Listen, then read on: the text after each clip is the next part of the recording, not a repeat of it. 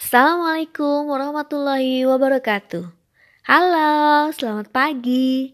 Apa kabar semuanya? Semoga kalian selalu ada dalam keadaan sehat walafiat. Amin.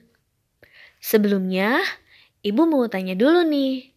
Saat belajar kimia, materi apa sih yang kalian suka? Pasti jawabannya beragam kan? Kira-kira apa ya? Nah, silakan jawab oleh kalian masing-masing. So, jangan lewatkan materi kali ini ya, karena akan membahas tentang larutan penyangga serta manfaat dan jenisnya. Hmm, pernah nggak sih kalian berpikir bagaimana kadar pH dalam darah bisa tetap stabil meski asupan makanan yang masuk ke dalam tubuh bervariasi?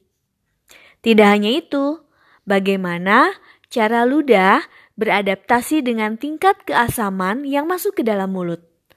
Atau bagaimana obat tetes mata bisa sesuai dengan pH mata kita, sehingga pengaplikasian tidak terlalu pedih di mata.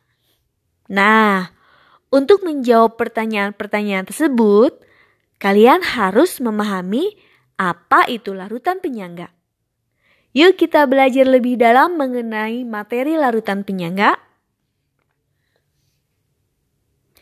Larutan penyangga atau biasa disebut buffer atau dapar merupakan larutan yang digunakan untuk menstabilkan pH saat terjadi penambahan asam, basa, atau garam. Artinya, pH larutan penyangga tidak akan berubah secara signifikan saat ditambahkan asam, basa, atau garam. Mengapa bisa demikian? Karena di dalam larutan penyangga terdapat komponen asam yang mampu menahan kenaikan pH secara berlebih dan komponen basa yang mampu menahan penurunan pH secara berlebih. Nah, bagaimana? Sudah paham kan sekilas tentang pengertian larutan penyangga? Lantas, apa sajakah jenis-jenis larutan penyangga itu?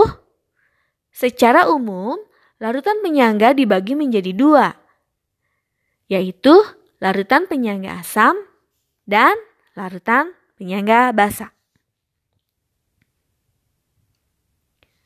Larutan penyangga asam merupakan larutan yang mengandung suatu asam lemah dan basa konjugasinya. Larutan penyangga ini berfungsi untuk mempertahankan pH pada kondisi asam, di mana pH memiliki kurang dari 7. Adapun contoh larutan penyangga asam adalah campuran asam etanoat dan natrium etanoat dalam larutan yang memiliki komponen buffer CH3COOH dan CH3COO. Adapun larutan penyangga asam ini dapat diperoleh dengan cara mencampurkan asam lemah dengan garamnya dari basa kuat, misalnya mencampurkan asam asetat dengan natrium asetat. Selain itu, mencampurkan asam lemah dengan basa kuat, di mana asam lemah dicampurkan dalam jumlah berlebih.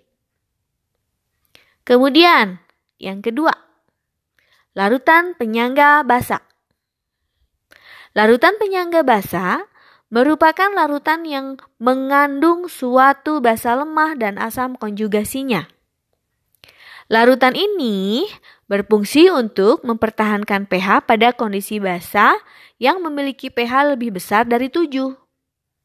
Adapun contoh larutan penyangga basa adalah campuran dari larutan amonia dan larutan amonium klorida yang memiliki komponen baper NH3 dan NH4+. Larutan penyangga basa dapat diperoleh dengan cara mencampurkan basa lemah dengan garamnya dari asam kuat. Misalnya, mencampurkan amonium hidroksida dengan amonium klorida. Selain itu, mencampurkan basa lemah dengan asam kuat, di mana basa lemah dicampurkan dalam jumlah berlebih. Nah, sekarang sudah paham kan tentang larutan penyangga? Oke, sekian dulu ya untuk materi hari ini. Nanti kita lanjutkan lagi ke materi berikutnya. Sampai jumpa. Jangan lupa tersenyum dan bersyukur untuk hari ini. Assalamualaikum warahmatullahi wabarakatuh.